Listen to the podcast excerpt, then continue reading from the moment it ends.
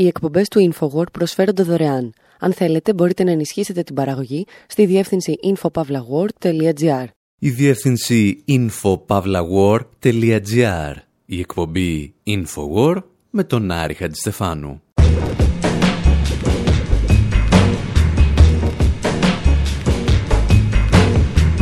Όπου σήμερα πηγαίνουμε για ελεύθερο κάμπινγκ με έναν φιλελεύθερο, έχοντας εξ αρχή στην υπόνοια ότι κάποιος δεν θα έπρεπε να είναι εκεί. Ακούμε αποσπάσματα από τα βιβλία ενός μεγάλου μαρξιστή φιλοσόφου για το πώς μπορείς να κόβεις τις πατάτες στο κάμπινγκ χρησιμοποιώντας το μαχαίρι που έφερε ο τύπος στη διπλανή σκηνή. Υποπτευόμαστε πως όσοι κρατάνε καβάτζες για τη σκηνή τους σε σκιερά μέρη των ελληνικών νησιών είναι στην πραγματικότητα ραντιέριδες, συγκαταλέγονται δηλαδή μεταξύ των πιο παρασιτικών στοιχείων του παγκόσμιου οικονομικού συστήματος. Και ύστερα αλλάζουμε θέμα και τραγουδάμε για τα 15 χρόνια του BDS που συμπληρώνονται αυτές τις ημέρες. Μαθαίνουμε για ένα πάρτι που θα πραγματοποιηθεί την Παρασκευή στο μπαράκι του Κομπραχάη στην Αθήνα και σας καλούμε για ένα ποτάκι μεταμουσικής.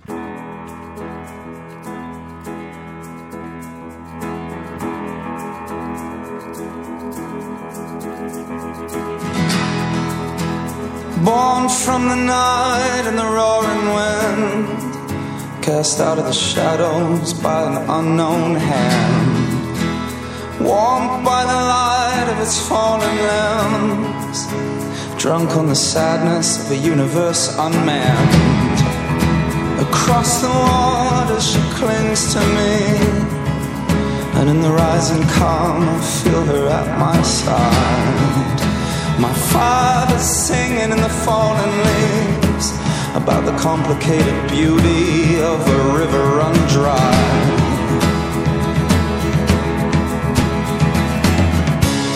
Sit down by the fire, sit down by the fire.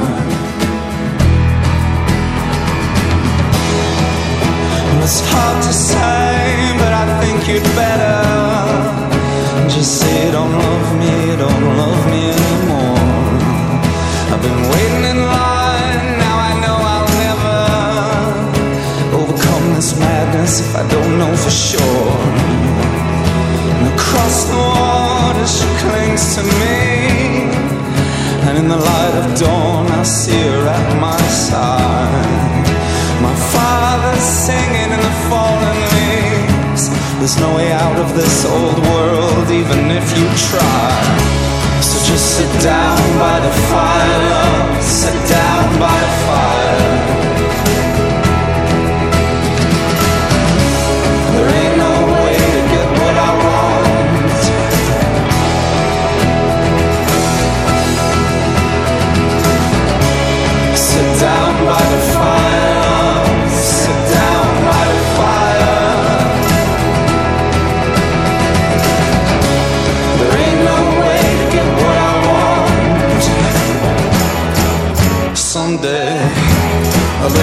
is bound to fall someday. A little rain is bound to fall someday. A little rain is bound to fall someday.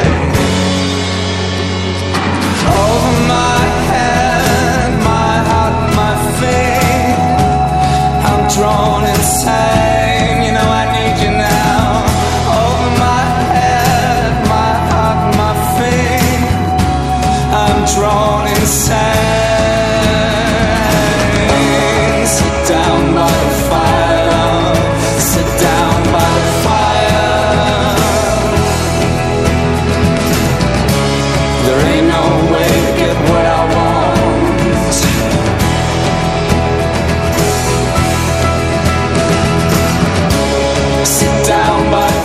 Λονδρέζοι The Veils τραγουδούν για μια φωτιά που καίει τη νύχτα σε μια κατασκήνωση. Και όπως θα δούμε στη συνέχεια, έχουν κάθε δικαίωμα να διεκδικούν ως Λονδρέζοι την πατρότητα σε αυτό που σήμερα αποκαλούμε ελεύθερο κάμπινγκ.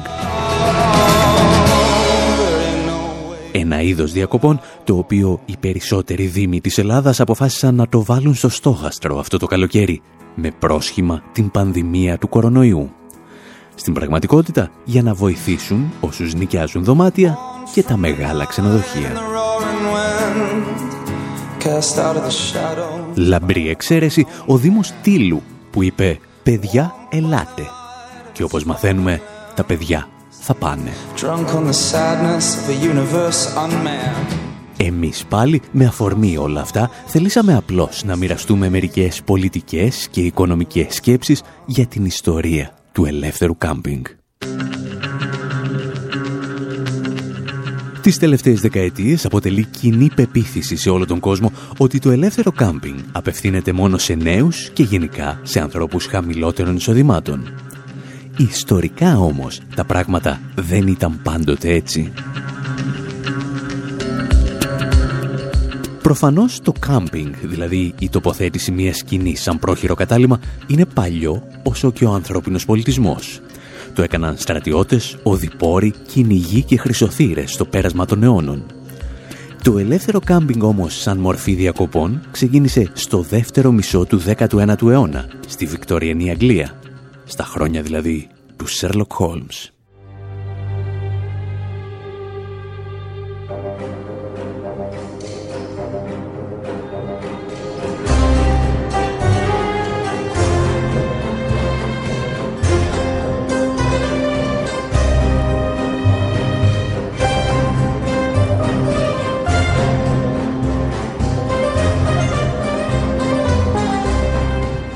Πρώτος ελεύθερος κάμπερ άκουγε στο όνομα Thomas Hiram Holding και ήταν ράφτης στο επάγγελμα.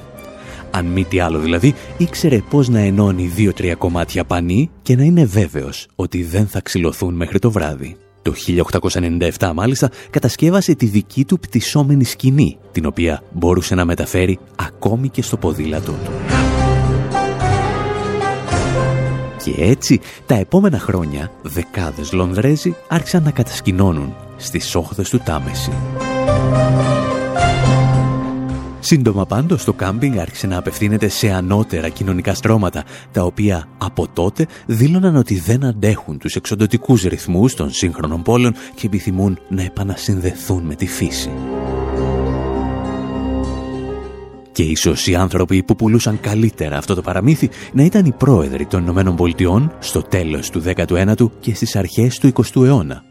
Και κυρίως ο Θείοντορ Ρούσβελτ, τον οποίο ακούμε εδώ. The great fundamental issue now before our people can be stated It is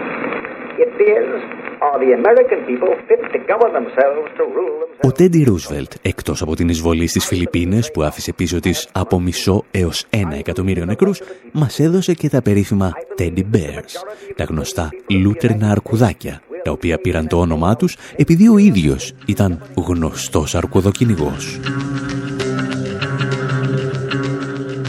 Σε πολλές από τις εξορμήσεις του στη φύση, ο Τέντι έπαιρνε μαζί του άλλους πολιτικούς και επιχειρηματίες σε ελεύθερη κατασκήνωση. Και εκεί έκλειναν σημαντικές πολιτικές και οικονομικές συμφωνίες. Και πάντα επέστρεφαν για να διηγηθούν πόσο τους αρέσει να βρίσκονται κοντά στη φύση. Τα ίδια έλεγε μερικά χρόνια αργότερα και ο μετέπειτα πρόεδρος Warren Harding, ο οποίος έκανε ελεύθερο κάμπινγκ με τους μεγαλύτερους βιομήχανους και επιχειρηματίες της εποχής του.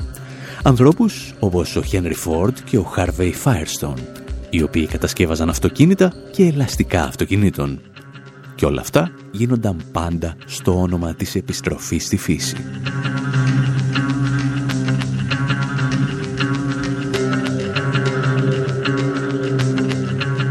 Το ελεύθερο κάμπινγκ βέβαια εκείνη την εποχή παρέπεμπε περισσότερο σε αυτό που σήμερα αποκαλούμε glamping, το glamorous camping. Και αυτό γιατί οι εύποροι λάτρεις της φύσης κουβαλούσαν μαζί τους από πολυτελή στρώματα και σκηνές μέχρι σεφ και υπηρέτες. Για την ιστορία μάλιστα, ως πρώτος γκλάμπερ θεωρείται από ορισμένους ο βασιλιάς Ιάκωβος ο Πέμπτος της Σκοτίας, ο οποίος πήγαινε για ελεύθερο κάμπινγκ με τη μητέρα του, κουβαλώντας και ένα μικρό τμήμα από το παλάτι του.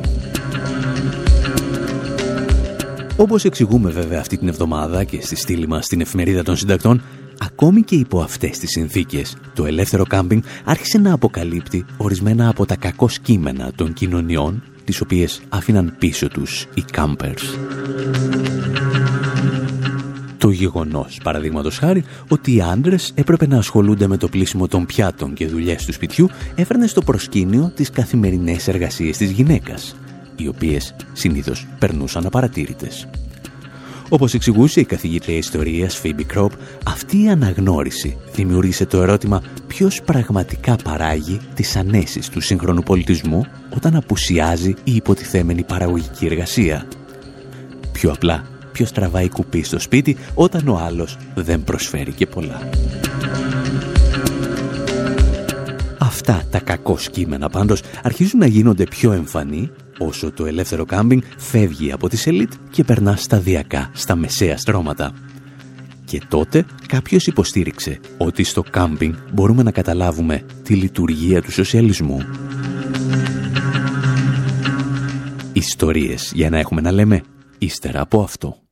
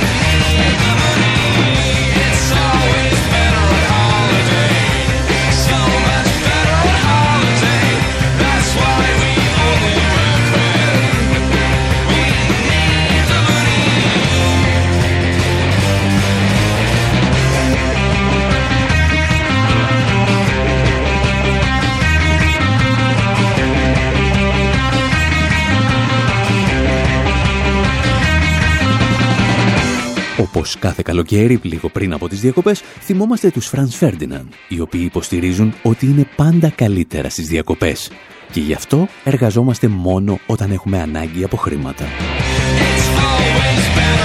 Προσπαθήστε τώρα να φανταστείτε μια παρέα που ξεκίνησε με αυτό το σκεπτικό για ελεύθερο κάμπινγκ και ανάμεσά της βρέθηκε ένας φιλελεύθερος, ένας λάτρης της ελεύθερης αγοράς. Αυτό ακριβώς το σενάριο προσπάθησε να περιγράψει το 2009 ο Καναδός μαρξιστής φιλόσοφος Τζέραλτ Άλαν Κόεν στο βιβλίο του «Γιατί όχι σοσιαλισμός». Εμπνευσμένος πιθανότατα από το περίφημο κείμενο του Αϊνστάιν με τίτλο «Γιατί σοσιαλισμός», ο Κόεν γράφει ένα δερημή κατηγορό εναντίας στους φιλελεύθερους και τους νεοφιλελεύθερους της εποχής του, και χωρίς καμία πρόθεση να οδηγηθούμε σε υπερβολές, τους πετσόκοψε. Το πρώτο κεφάλαιο του βιβλίου του ξεκινούσε ως εξής. You and I and a whole bunch of other people go on a camping trip. There is no hierarchy among us. Εσύ και εγώ και μια ομάδα άλλων ανθρώπων πηγαίνουμε ένα ταξίδι για κάμπινγκ. Δεν υπάρχει ιεραρχία μεταξύ μας. Ο κοινός μας στόχος είναι να περάσει ο καθένας μας καλά, κάνοντας όσο είναι δυνατόν τα πράγματα που μας αρέσουν περισσότερο. Έχουμε τα μέσα για να πραγματοποιήσουμε το χείρημά μας. Έχουμε για παράδειγμα κατσαρολικά, λάδι, καφέ, καλάμια ψαρέματος, κανό, μια μπάλα ποδοσφαίρου, τράπουλες και ούτω καθεξής. Και όπως συνηθίζεται στο κάμπινγκ, χρησιμοποιούμε αυτά τα μέσα συλλογικά. Ακόμα και αν είναι ιδιωτικής ιδιοκτησίας, βρίσκονται υπό συλλογικό έλεγχο κατά τη διάρκεια του ταξιδιού. Έχουμε μάλιστα κοινή αντίληψη για το ποιος θα τα χρησιμοποιήσει πότε, υπό ποιες συνθήκες και γιατί. Κάποιος ψαρεύει, κάποιος άλλος προετοιμάζει το φαγητό και κάποιος άλλος το μαγειρεύει. Οι άνθρωποι που μισούν το μαγείρεμα αλλά απολαμβάνουν το καθάρισμα μπορεί να πλύνουν τα πιάτα και ούτω καθεξής. Υπάρχουν αρκετές διαφορές, αλλά ο κοινός μας στόχος και το πνεύμα του εγχειρήματος διασφαλίζουν ότι δεν θα υπάρξουν ανισότητες στι οποίες θα μπορούσε κάποιος να αντιταχθεί επί της αρχής.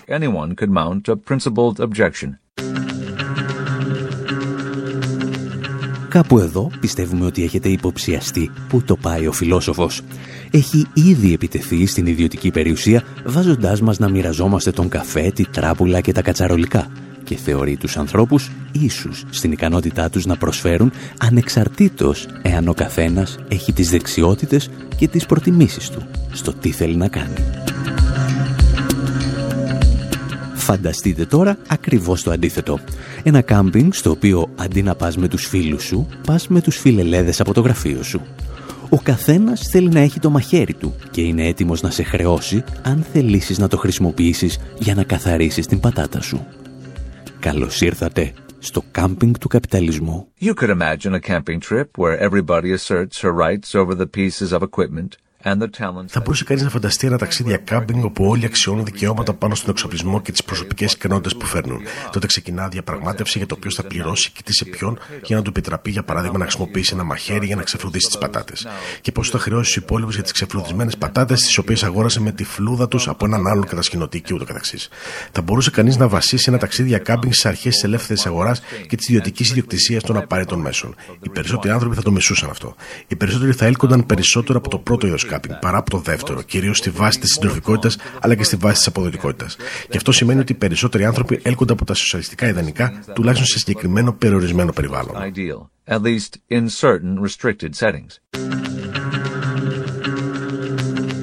Υπό ορισμένες συνθήκες, λοιπόν, εξηγεί ο Καναδός φιλόσοφος, οι άνθρωποι έχουν πολλούς λόγους να προτιμήσουν ένα σοσιαλιστικό σύστημα παραγωγής και διανομής προϊόντων από ένα σύστημα το οποίο στηρίζεται στις δυνάμεις της αγοράς. Και για να βεβαιωθεί ότι όλοι έχουν καταλάβει τι εννοεί, φέρνει στην παρέα μας μερικούς φιλελεύθερους που έχουν βαλθεί να μας χαλάσουν το κάμπινγκ. Όπως την Σίλβια. Following a three-hour time-off for personal exploration period, Έπειτα από ένα τρίωρο διάλειμμα για περίπατο, η Σίλβια επιστρέφει στο χώρο της κατασκήνωσης και ανακοινώνει ότι βρήκε μια τεράστια μιλιά γεμάτη τέλεια μήλα. Εξαιρετικά, λένε οι υπόλοιποι. Τώρα μπορούμε να φτιάξουμε σάλτσα μήλου, μιλόπιτα και στρούντελ μήλου. Υπό την προπόθεση, λέει η Σίλβια, ότι θα μειώσετε το βάρος εργασίας μου και θα μου παρέχετε περισσότερο χώρο στη σκηνή ή θα βάζετε περισσότερο μπέικον στο πρωινό μου. Ο ισχυρισμός της για κάποιο είδους ιδιοκτησία του δέντρου αειδιάζει τους υπόλοιπους.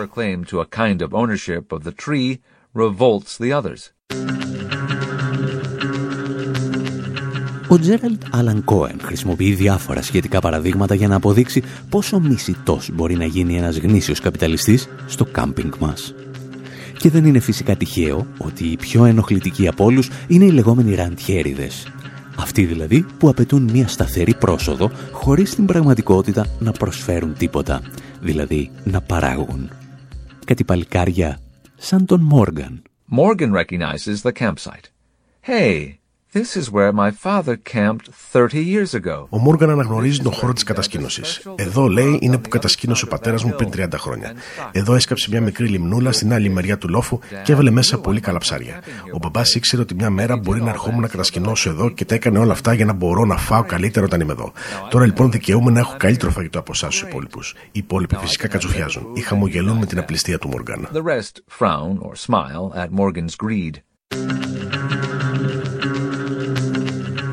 Προφανώς όλα τα επιχειρήματα του Καναδού μαρξιστή φιλόσοφου σηκώνουν κουβέντα και αυτό ακριβώς κάνει και ο ίδιος στο βιβλίο του με τίτλο «Γιατί όχι σοσιαλισμός» το οποίο έχει μεταφραστεί στα ελληνικά από τις εκδόσεις εκρεμές.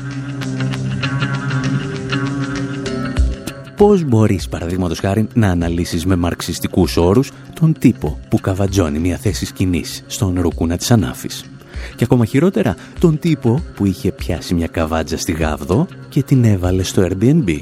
Ένας Έλληνας ραντιέρης προωθούσε στην μεγαλύτερη πλατφόρμα ραντιέριδων της ιστορίας μια σκιά και το έδαφος από κάτω της, στα οποία δεν είχε το παραμικρό δικαίωμα χρήσης ή ιδιοκτησίας. Γι' αυτό μη τους βλέπετε έτσι ανέμελους με τις αγιονάρες και τα ράστα. Ορισμένοι από αυτούς ενδέχεται να είναι αιμοδιψείς καπιταλιστές.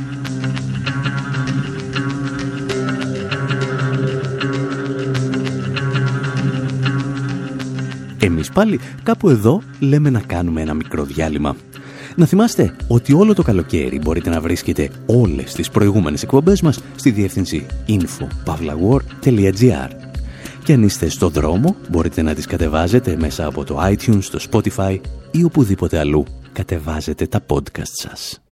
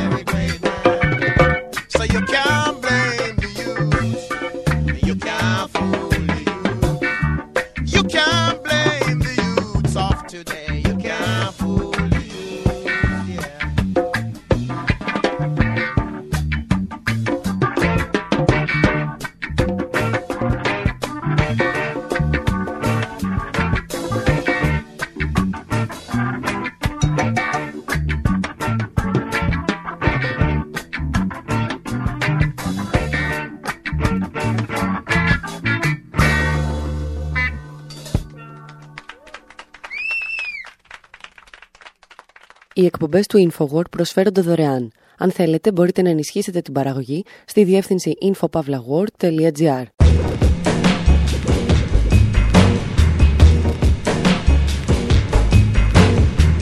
Η εκπομπή Infowar με τον Άρη Χατζηστεφάνου όπου λίγο πριν αρχίσουμε να κατεβάζουμε ρολά, μεταφορικά και κυριολεκτικά λόγω των καλοκαιρινών διακοπών, σκεφτήκαμε να σας μεταφέρουμε μία πρόσκληση για ένα πάρτι.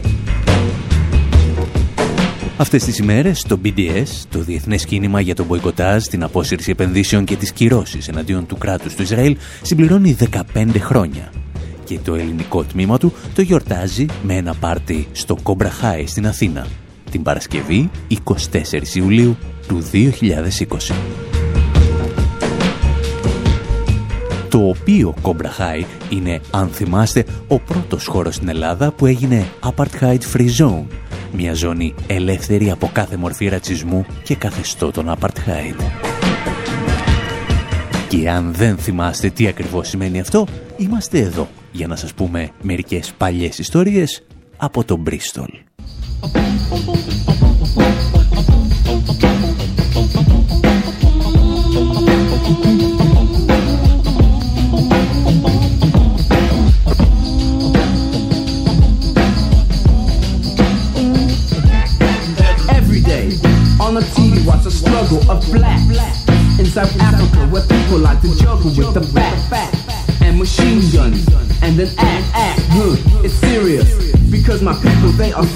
Invited them to stay and repay by country ways of controlling this land of sun and peace, converted into a place where the gunshots never cease. Equality, nothing more do I ask, not your life or your money. No great task like a waterfall Drop working together. If we all unite, we could all weather the storm. Yeah, we weather long cold winter. You're my brother, be you a suitor or a sinner. So take heed to the words that I'm saying. It's like that. I'm not going, I'm staying. staying.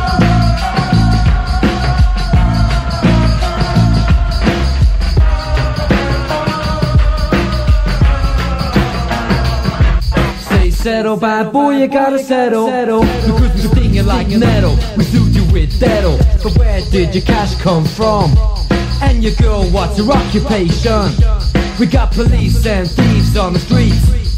Just fighting each other with the guns and ammunition. Dance to the drummer's beats.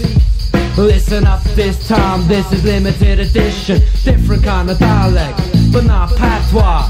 In the party, got the white boy, you chat what you like on the mic with Judy calls. Just like the messages are painted on walls, that's in color. This is down in black and white, that's right. It's the fact, science, sight, it's the massive attack. You're on the right track. You know I'm white, but my brothers are black. Remember history, cause you know about slavery. Eat Caribbean, cause you like it savory. Our own. Sometimes forget what color they are, but it's for them to discover and respect, not resent. In order to protect and prevent our kids not knowing the facts that were hidden from us in an act to keep us mellow and calm, save them from harm. Make us this song, try to fool us with charm. We ran faster, harder, but they still kept us back. Not for some. Τα παιδιά που ακούτε να τραγουδούν για την Νότια Αφρική και το ρατσιστικό καθεστώς του Apartheid ονομάζονταν The Wild Bands και ήταν μια συνένωση μουσικών και DJs που μεσουρανούσαν στο Μπρίστολ της Μεγάλης Βρετανίας στα μέσα της δεκαετίας του 80 και ανάμεσά τους συναντούσαμε αρκετά από τα ονόματα που λίγα χρόνια αργότερα θα δημιουργούσαν τους Massive Attack.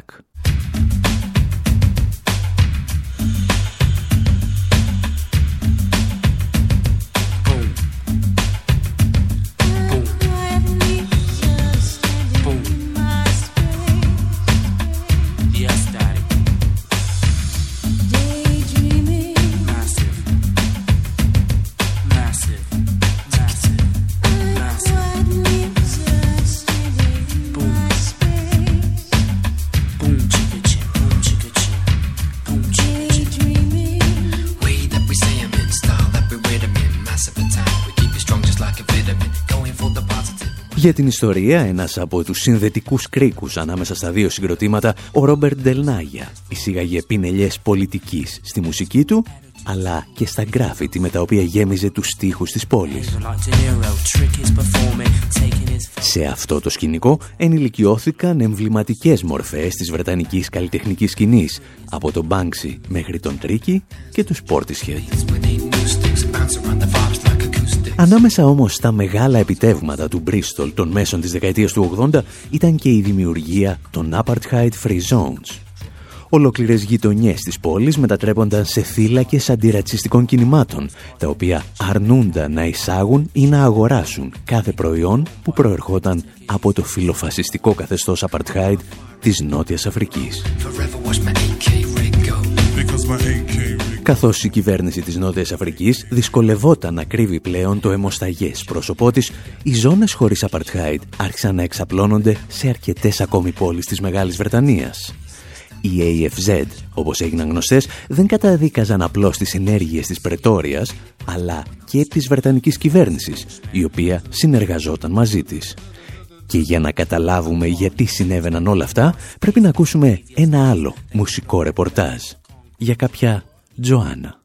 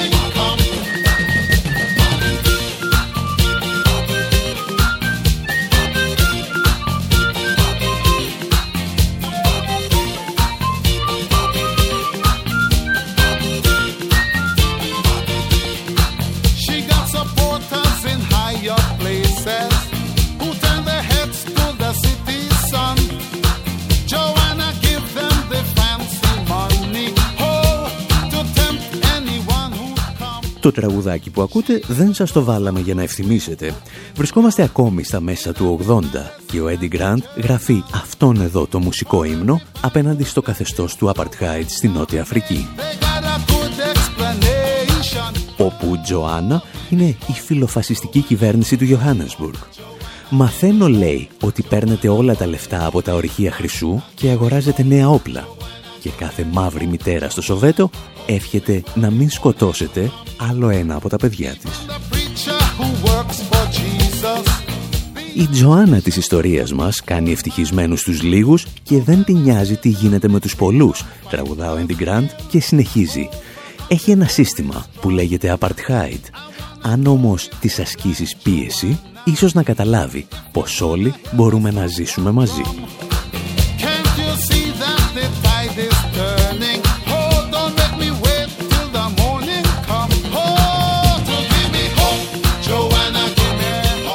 Το καθεστώς του Apartheid για το οποίο τραγουδά ο Eddie Grant δημιουργείται το 1948. Έχει όμως τις ρίζες του στην Βρετανική απεικιοκρατία, η οποία διαχωρίζει το λευκό από το μαύρο πληθυσμό της χώρας. Και η χώρα αυτή θα μετατραπεί στον παράδεισο των ναζιστών.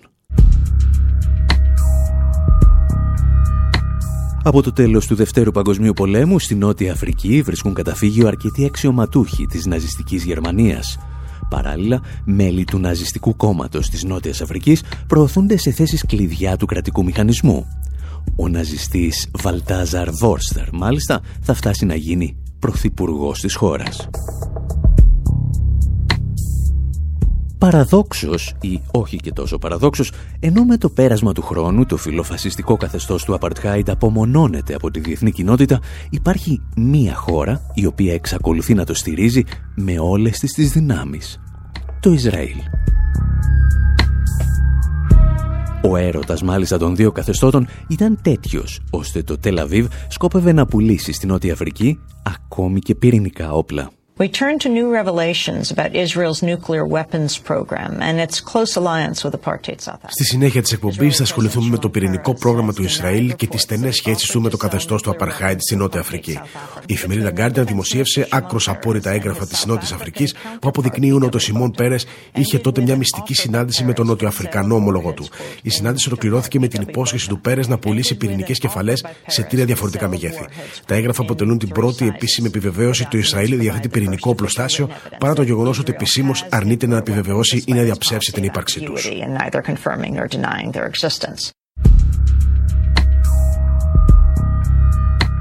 Το Ισραήλ δεν θα επιχειρήσει απλώς να μετατρέψει το φιλοφασιστικό καθεστώς της Νότιας Αφρικής σε πυρηνική δύναμη. Όταν αυτό το καθεστώς θα καταρρεύσει, το Ισραήλ θα έρθει να το διαδεχθεί. Τα έλεγε εδώ και τουλάχιστον μία δεκαετία ακόμη και ο Αμερικανός πρώην πρόεδρος Τζίμι Κάρτερ. Στην Παλαιστίνη επικρατεί σήμερα η πιο χιδαία μορφή του Απαρτχάιντ. Έχουν στερήσει από τους Παλαιστίνιους τα βασικά ανθρώπινα δικαιώματα. Έχτισαν περίπου 200 επικισμούς που συνδέονται με αυτοκινητόδρομους, κάνοντας την περιοχή να θυμίζει μία κερίθρα ή έναν ιστό αράχνης.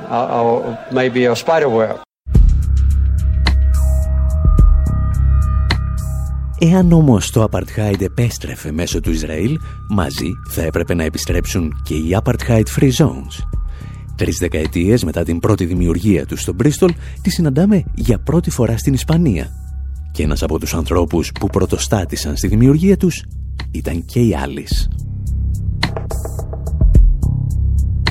Η άλλη Σαμσόν Εσταπέ είναι σήμερα συντονίστρια Ευρώπης του διεθνούς κινήματος BDS που προωθεί τον μποϊκοτάζ, την απόσυρση επενδύσεων και τις κυρώσεις εναντίον του κράτους του Ισραήλ. Και όταν τη ρωτήσαμε για τις ζώνες που είναι ελεύθερες από το Apartheid, μας είπε κουβέντες σαν και αυτές. So the Apartheid Free Zone campaign is inspired in um, η καμπάνια του Apartheid Free Zone εμπνέεται από τον Bristol της δεκαετίας του 80. Ήταν μια μικρή γειτονιά που αποφάσισε να γίνει περιοχή Apartheid Free Zone, που σημαίνει ότι δεν ήθελε κανένα δεσμό με το καθεστώς Apartheid της Νότιας Αφρικής. Απέριψε ολοκληρωτικά τις ρατσιστικές πολιτικές της κυβέρνησης Νοτιού Αφρικής, αλλά και τους δεσμούς που είχε μαζί της η Βρετανική κυβέρνηση. Πριν από πέντε χρόνια λοιπόν πήραμε εκείνη την καμπάνια στην Ισπανία και την αναπτύξαμε. Αρχικά επικεντρωθήκαμε στους θεσμούς και είχαμε πάνω από 80 τοπικά συμβούλια που σε κάποια φάση έγιναν Apartheid Free Zones. Η καμπάνια αναπτύσσεται πλέον σε διαφορετικά μέρη της Ευρώπης, στην Ιταλία, την Ελβετία, το Βέλγιο, την Νορβηγία, την Πορτογαλία. Τώρα έρχεται και στην Ελλάδα, γεγονό για το που είμαστε ενθουσιασμένοι.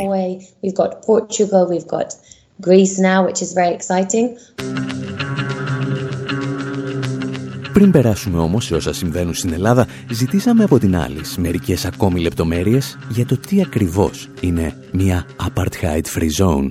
An apartheid free zone is either a social or cultural institutional zone. Anything can be an apartheid free zone that decides to give no space to apartheid. Μια apartheid free zone είναι ένας κοινωνικός ή πολιτικός χώρος οποιασδήποτε μορφής που αποφασίζει να μην δώσει χώρο στο apartheid.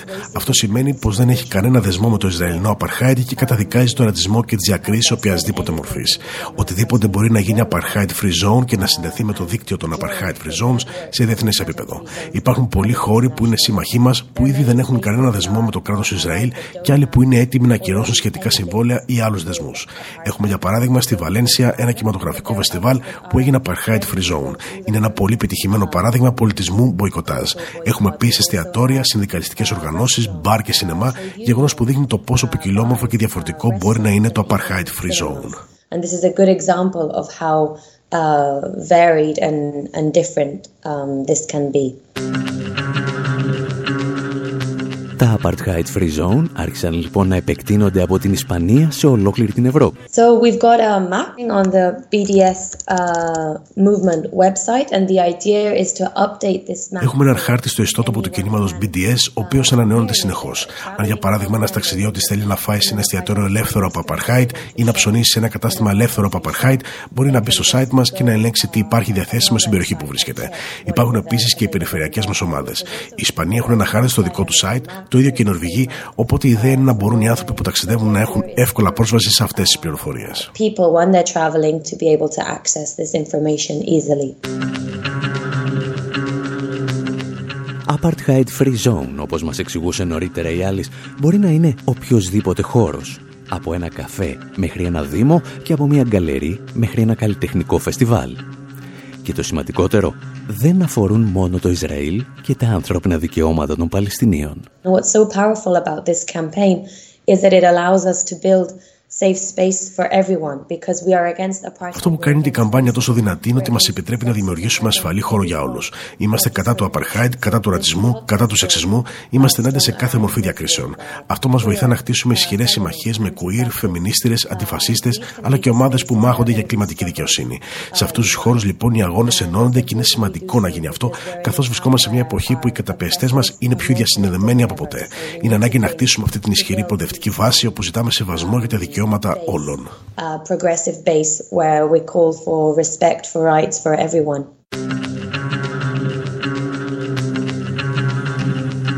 Αυτή την εβδομάδα λοιπόν, ο πρώτος χώρος που έγινε Apartheid Free Zone στην Ελλάδα, δηλαδή το μπαρ Cobra High στο Νέο Κόσμο, φιλοξενεί ένα πάρτι για τα 15 χρόνια του BDS σε όλο τον κόσμο.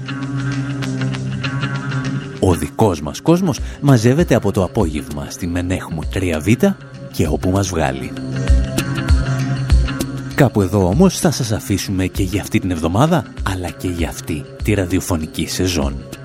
Να θυμάστε πως ό,τι περνά από το μυαλό μας συγκεντρώνεται στη διεύθυνση info.pavlawar.gr